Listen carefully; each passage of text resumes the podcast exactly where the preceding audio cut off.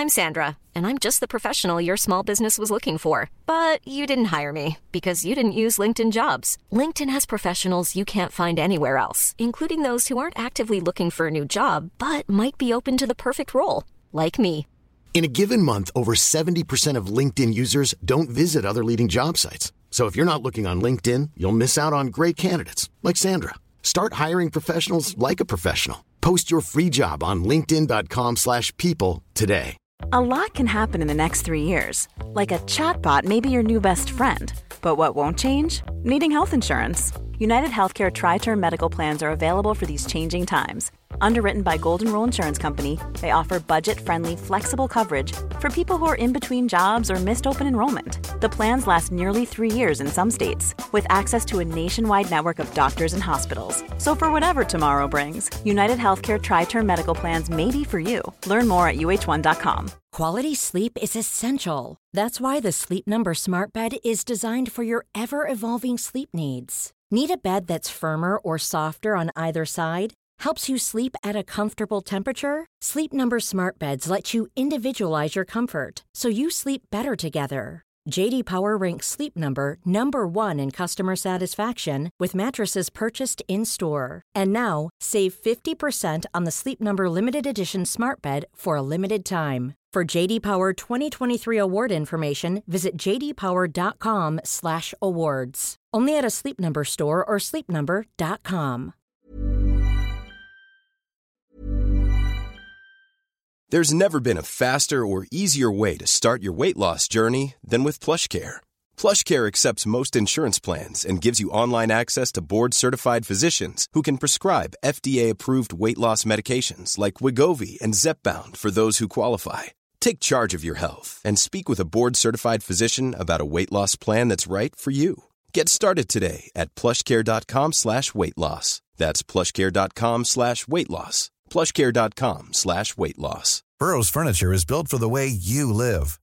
From ensuring easy assembly and disassembly to honoring highly requested new colors for their award-winning seating, they always have their customers in mind. Their modular seating is made out of durable materials to last and grow with you. And with Burrow, you always get fast, free shipping. Get up to 60% off during Burrow's Memorial Day sale at burrow.com slash ACAST. That's burrow.com slash ACAST. burrow.com slash ACAST.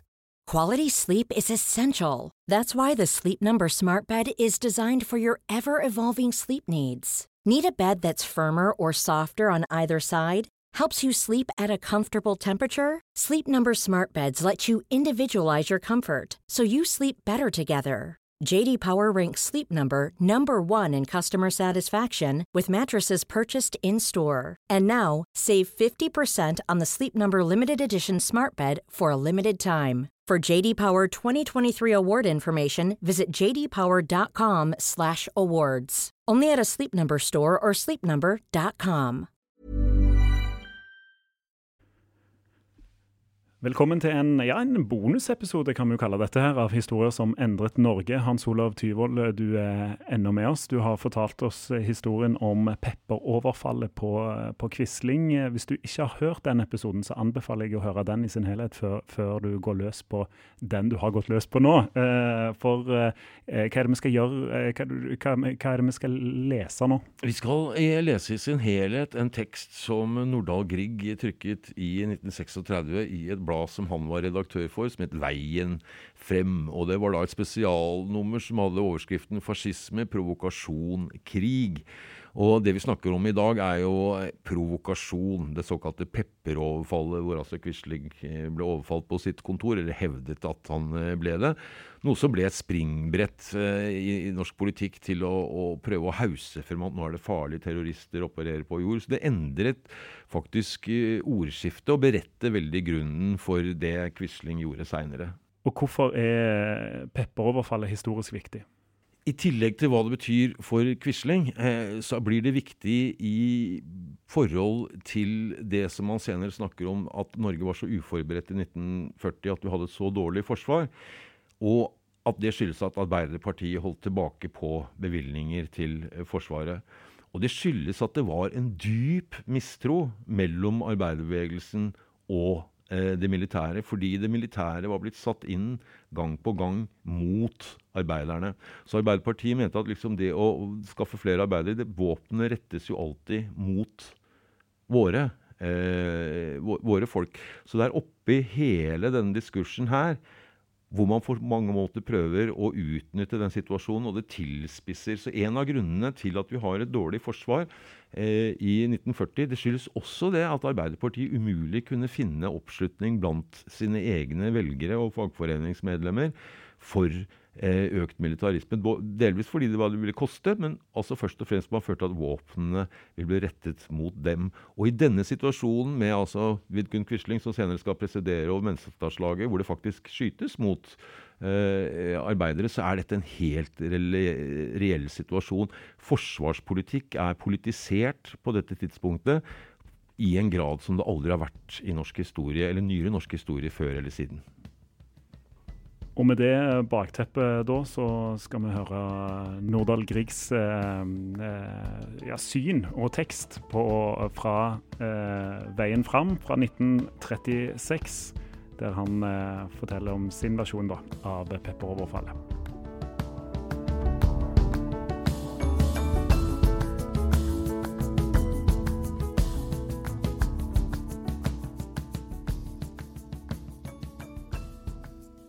Provokasjon. Hva som virkelig skjedde i Forsvarsdepartementet 2.2.1932, og hvorledes det ble utnyttet. Av Nordahl Grieg. En stund etter programartikkelen ved Nansens død stiftet Quisling sammen med kaptein Prytz sin første fascistiske organisasjon, Nordisk Folkereisning. Dens linje var fullkomment hitlersk. Intervensjon mot Sovjetunionen på et sterkt arisk grunnlag. Hurtig hadde Quisling plagiert de nazistiske raseteorier. I studenterboken for 1930 skriver han Jeg er av nordisk rase, og selv ikke hans russiske kone får unngå sin skjebne, hun er dinarisk-nordisk av herkomst. Det var klart at denne nyoppdukkede trauste telemarking med et så tiltalende samfunnssyn fikk en hjertelig mottakelse i våre mest reaksjonære kretser. Han ble da også gjort til forsvarsminister da Bondepartiet dannet regjering i 1931.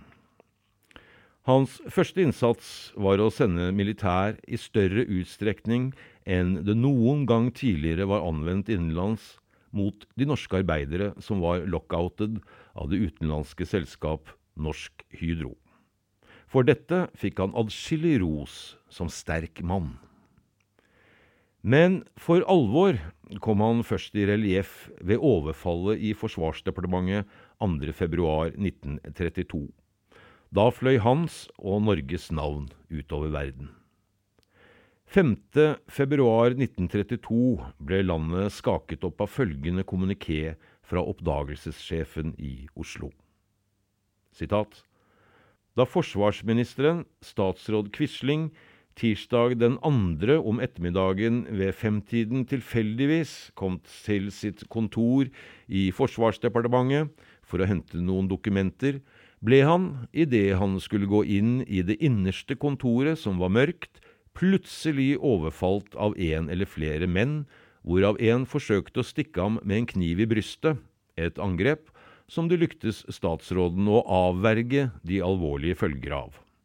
Imidlertid ble han så godt som samtidig med dette angrepet blindet med pepper og slått i hodet så han falt om og besvimte og ble liggende noen tid bevisstløs på gulvet i kontoret, mens det lyktes gjerningsmannen eller mennene å forsvinne.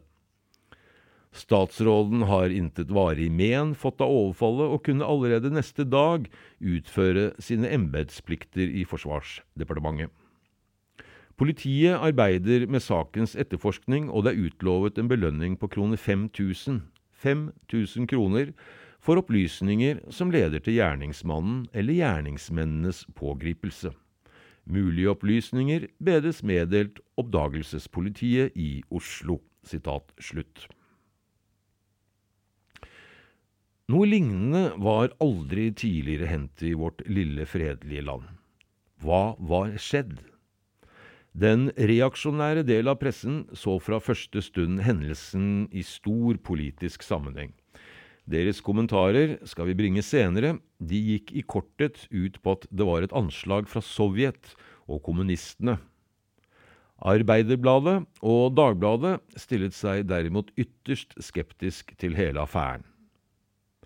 Det var også unektelig forskjellige ting som ga anledning til tvil. Forsvarsdepartementet, hvor overfallet skulle ha funnet sted, er bevoktet av bevæpnede gardister. Ingen av dem hadde sett noen gå inn eller ut av bygningen på disse fredelige ettermiddagstimene. Heller ikke hadde de tre gardistene som holdt til i etasjen under Quislings kontor, hørt den ringeste larm fra kampen ovenpå og da oppdagelsessjef Sveen sammen med oppdagelsesbetjent Birkelund på regjeringens ordre brøt seg inn i departementet natten etter overfallet, fant de intet som helst spor. Først da Quisling og hans venn, som spiller en så forunderlig rolle etter overfallet, hadde vært der nede neste dag, ble det funnet noe pepper. Enn videre var det ganske påfallende at Quisling selv hadde en så sterk ulyst mot at noe skulle komme ut om affæren, og det var dog en sak av stor offentlig betydning. Det kan ikke nektes at storparten av det norske folk syntes det hele luktet uhyggelig av svindel. Det ble ikke bedre som dagene gikk, og det viste seg at politiet ikke var i stand til å finne et eneste holdepunkt. Men den 9. februar kom der unnsetning til Quisling og hans tilhengere. Legeerklæringen fra professorene Bull og Harbitz. Disse to gikk god for overfallshistorien. Den sykejournalen som de to offentliggjorde, er et langt, spennende, velskrevet dokument den forteller om Quislings merkelige opplevelse denne februardagen. Vi gjengir hovedtrekkene.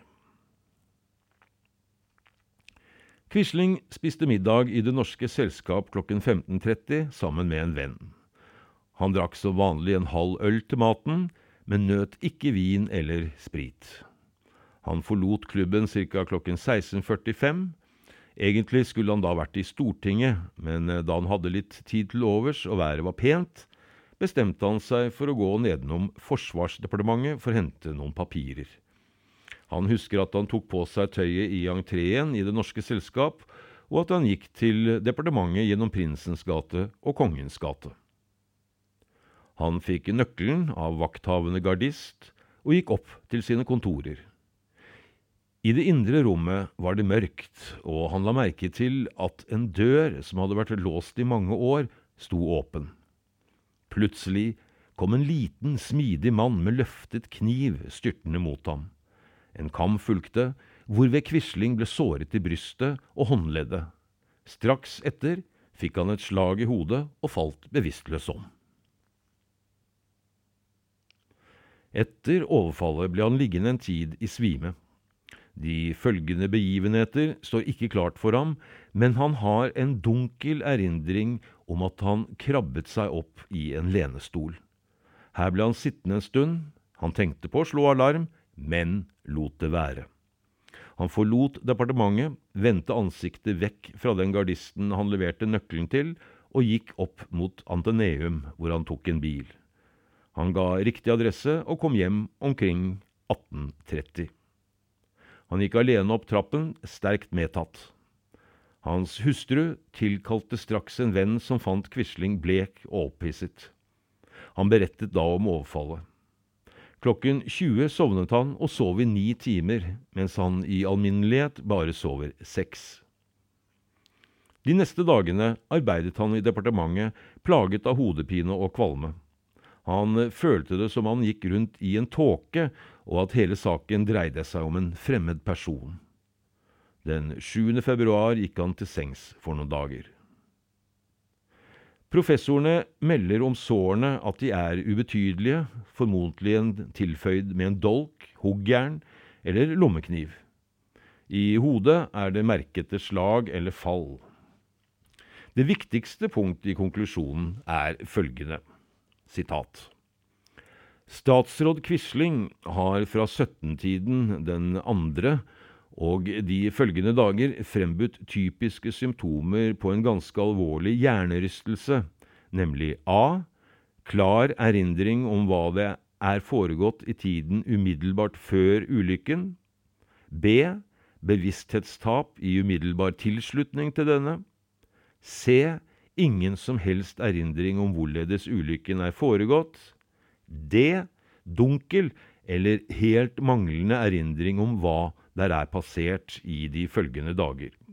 Hodepine, kvalme, matthetsfornemmelse og uopplagthet til åndelig arbeid, om han enn automatisk har kunnet utføre løpende forretninger. E. Tydelig oppklaring av tanke og sensorium etter fire-fem dager. Quisling-pressen hilste legeerklæringen med stor lettelse og triumf. Nasjonens overskrift er De sakkyndiges undersøkelse slår alle skumlerier ned. Men dessverre, folk fortsatte å skumle. Vår mest utpregede ariske egenskap er utvilsomt sunn bondeskepsis. Og her følte noen hver at det var ugler i mosen. Man søkte forklaringen på alle andre felter enn politikken, private oppgjør, kvinnfolkhistorier. Imidlertid undersøkte politiet disse muligheter og måtte forkaste dem. Den 18. februar utsendte oppdagelsessjefen følgende kommuniké. Sitat. Oppdagelsespolitiet meddeler i anledning det anmeldte overfall i Forsvarsdepartementet på statsråd Quisling den 2. februar dette år at det er fortsatt en rekke utenrettslige avhøringer av personer som kunne antas å ha erfart noe om det som ved anledningen er passert på forsvarsministerens kontor. De foretatte undersøkelser har imidlertid ikke ledet til noe positivt resultat, og man har fremdeles intet som helst brukbart signalement på gjerningsmannen. Det er også foretatt omhyggelige undersøkelser blant reisende og fremmede som er kommet til byen i de dager, uten at dette har kunnet gi noen veiledning til oppklaring av forbrytelsen. Opplysninger fra publikum, fremkommet ved pressemeddelelser eller ved utsikten til å erholde den lovte belønning, har vært meget sparsomme og har ikke inneholdt noe av positiv betydning. Da statsråd Quisling fremdeles er sykemeldt, har oppdagelsespolitiet ennå ikke funnet å kunne foreta noen utenrettslig avhøring av ham, og har således kun den tidligere offentliggjorte forklaring fra legeerklæringen å holde seg til. Etterforskningen fortsetter fremdeles, og mulige opplysninger bes meddelt oppdagelsespolitiet i Oslo. Sitat slutt.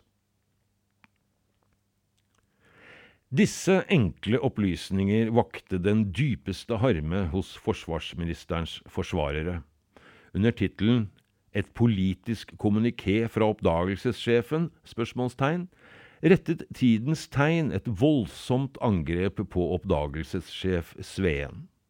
Det heter annet at når man vet at statsråd Quislings motstandere åpenlyst har insinuert at det ikke var noe å oppdage, kunne man nære mistanker som man helst ikke bør ha overfor oppdagelsessjefen i Oslo.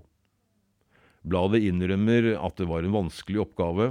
Det var få eller ingen spor, men citat, vi har allikevel det inntrykk at etterforskningen enten det skyldes vanskeligheter eller det skyldes utenforstående hensyn, ikke har vært drevet med den energi og gode vilje som man har måttet kunne forlange i en sak av denne betydning. Denne beskyldning mot oppdagelsessjefen er etter vårt skjønn fullkomment urettferdig. Hvis politiet skal bebreides noe, er det tvert imot at det øyensynlig har arbeidet ut ifra et altfor lojalt grunnsyn. Vi må tro en sittende statsråd på hans ord. Men hvis man anlegger et noe mer skeptisk syn på hele episoden, kan man kanskje komme til et resultat. Følgende står fast. Det finnes ikke skygge av spor etter de angivelige forbrytere, bortsett fra det tvilsomme pepperet. Rent polititeknisk er det sannsynlig at der aldri har funnet sted noe overfall i dette militærbevoktede departementet.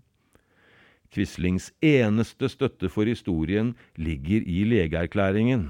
Det er derfor viktig å bringe på det rene om de to professorenes konklusjon er uangripelig. De har undersøkt Quisling og funnet at sykdomsbildet kan stemme med forsvarsministerens fortelling, overfall og derav følgende hjernerystelse. Kan man med rimelighet forlange noe annet av de to professorer? Ja, man kan i høy grad forlange noe annet. Man kunne forlange at de opplyste om at hele sykdomsbildet stemmer overens med den sykdom som Quisling vitterlig lider av, nemlig malaria. Denne sykdommen pådro han seg i Kaukasus i 1923. Og når man en gang har fått malaria i kroppen, kan den som bekjent bryte ut med års mellomrom.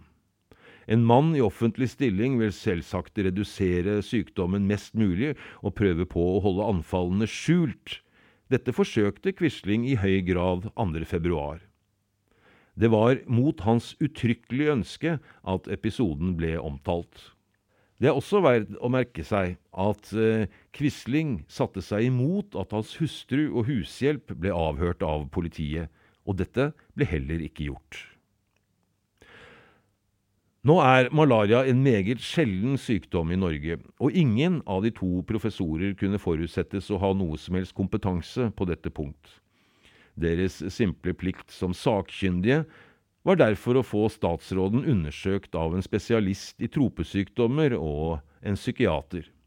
Det er ingen hemmelighet at avdøde overlege Dedichen den gang mente at hele overfallsaffæren minnet påfallende om et epileptisk anfall. Alt tyder på at han var meget nær sannheten. Folk med erfaring fra Østen vet at et akutt malariaanfall under tiden kan minne om epilepsi. Under deleriet kan Quisling ha tilføyd seg selv sårene, et velkjent fenomen. Det har sin interesse å se hva en av verdens største autoriteter på dette felt, den tyske professor dr. Emil Kreppelin, anfører om malariaens innflytelse på den psykiske tilstanden. Han skriver følgende om intermittens delerier i sitt verk Psykiatri, utgaven av 1904. Intermittens er som bekjent det samme som malaria. Sitat om initialdeleriene ved tyfus og kopper minner i høy grad visse sjeldne former for malariadelerier. Også her møter vi usedvanlig heftige, angstfylte opphisselsestilstander med tung omtåkethet og tilbøyelighet til hensiktsløse voldsgjerninger. Anfallene opptrer plutselig, varer bare få timer og ender i dyp søvn, med mer eller mindre fullstendig tap av erindringen om det forefallende. Under tiden er de ledsaget av krampefenomener, så de ligner helt eleptiske demringstilstander. Professor Kreppelins skildring av et slikt malariaanfall dekker altså på alle punkter Quislings tilstand den 2. februar overfallsangsten, sammenbruddet, erindringstapet og den dype søvnen noen timer efter. Det er enda et punkt ved denne affæren som det er høy grad nyttig å se nærmere på. Hvem var denne vennen som opptrådde på en så eiendommelig måte? Denne mannen som ble tilkalt telefonisk av fru Quisling, og som anmeldte overfallet mot Quislings vilje, etter å ha betenkt seg i åtte timer og som fulgte Quisling ned i departementet neste dag, hvorpå pepperet ble funnet. Det var ingen annen enn kaptein Prytz. Han eh, fikk se denne syke stakkaren som snakket om et overfall, inntrengende bak Quisling ham om å holde det skjult. Lov meg, Prytz, at du ikke gjør noe bråk av dette. Så gikk Prytz i selskap, her fortalte han at Quisling, som også var buden, ikke kunne komme fordi han hadde falt og slått seg i en trapp i departementet. Men jo mer Prytz tenkte på denne overfallshistorien, desto mer må han ha fått lyst på den. Her lå visse politiske muligheter som var kjærkomne nettopp for Prytz. Kapitalisten som hadde fått føle kommunismen på kroppen og inderlig håpet på opphisselse mot Sovjet, og ved Guds hjelp en vakker dag intervensjon. Utpå natten betrodde han seg til en annen av gjestene, kaptein A.F. Munte, som også tilhørte Quislings krets. Og så, endelig, ved halv to-tiden, ringte de til oppdagelsessjefen. Det viktigste som Pritz ved dette høvet fikk opplyst om seg selv, var at han i åtte timer hadde visst at Norges forsvarsminister var blitt overfalt i sitt kontor, og at departementets hemmeligheter i denne tiden hadde stått til disposisjon for overfallsmennene uten at kaptein Prytz hadde løftet en finger for å foreta seg noe som helst. Dette fikk nå våge seg. Prytz var en mann som i sitt eh, liv tidligere hadde tatt sjanser og her var atskillig å oppnå. Vi får en forestilling om det som skulle oppnås når man 5. februar leser overfallskommentarene i de avisene som sto Quisling-gruppen nær. Nasjonen skriver sitat, denne knappe meddelelse fra oppdagelsespolitiet vil vekke en voldsom oppsikt ikke bare her i landet, men vidt omkring. Man må være forberedt på at det her vil bli avdekket et komplott med lange forgreninger om et formål av den art at det bør vekke ettertanke hos dem som mener at vårt forsvarsvesen er uten interesse. Et attentat på forsvarsministeren hører til de begivenheter vi har ment bare kunne foregå i utlandet. Nå er det skjedd i Norge, og gleden over at attentatet er mislykket, vil ikke forhindre at det norske folk tar sin innstilling til Forsvaret opp til revisjon og prøver sin trygghetsfornemmelse på ny. Sitat slutt. Tidens tegn kommer med følgende betraktninger. Sitat. Etter kommuniké å dømme må man gå ut ifra at det her ikke dreier seg om noe alminnelig overfall, men at det er en kommunistisk hevnakt. På henvendelse til oppdagelsessjef Sveen erfarer vi at det foreløpig intet kan sies utenfor kommuniké. Etter hva der fra annet hold meddeles, mener man at det enten dreier seg om en utsending fra det russiske Tsjekkia som har fått i oppdrag å få tak i disse dokumenter angående Norges forsvar, eller, hvilket er det mest sannsynlige, at overfallsmannen er en kommunist som har villet sikre seg planene for den indre strategiske situasjon. Så vidt vi erfarer, er imidlertid ingen dokumenter bortkommet. Dagen etter fremsetter Nasjonen en tydelig insinuasjon forbitret over Arbeiderbladets skepsis. Sitat, det får bli Arbeiderpartiets sak hvor langt det vil engasjere seg på bandittenes side. Vi skulle anta at bladet vil få vanskelig med å beholde høyden i hatten når tildragelsen er oppklart. Sitat slutt. Og bladet slutter med følgende merkelige spådomsord, som dessverre ennå er dypt uoppfylt. Sitat Statsråd Quisling er en taus mann. Han taler ikke før han har tenkt grundig. Han handler heller ikke før han er sikker i sin sak. Om det passerte, ville han også ganske visst lukke seg, men det kunne jo hende at han fant på å ytre seg den dag han ikke lenger er forsvarsminister. Nei, Quisling har nok ikke ytret seg. Kanskje husker han ikke annet enn en uklar, forferdelig angst fra denne ettermiddagen, og hvis han husker, der skal en sterkere og helere personlighet enn han til å fortelle denne sannheten.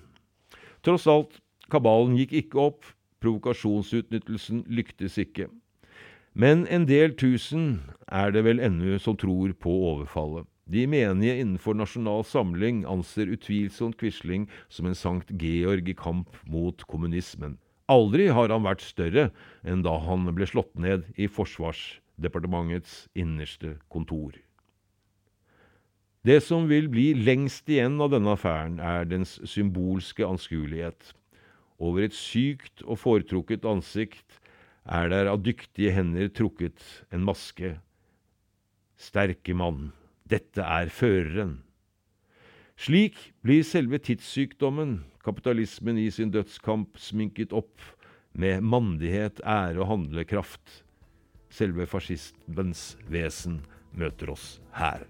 Signert Nordahl Grieg.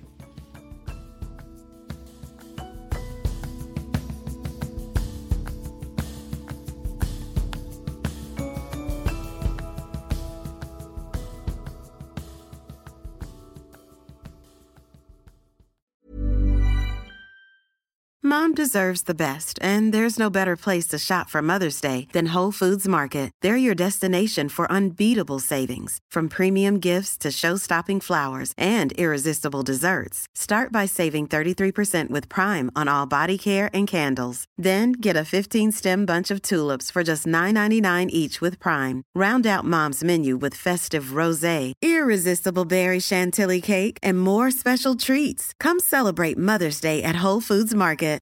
Support comes from ServiceNow, the AI platform for business transformation. You've heard the hype around AI. The truth is, AI is only as powerful as the platform it's built into. ServiceNow is the platform that puts AI to work for people across your business, removing friction and frustration for your employees, supercharging productivity for your developers, providing intelligent tools for your service agents to make customers happier all built into a single platform you can use right now. That's why the world works with ServiceNow. Visit servicenow.com/ai for people to learn more.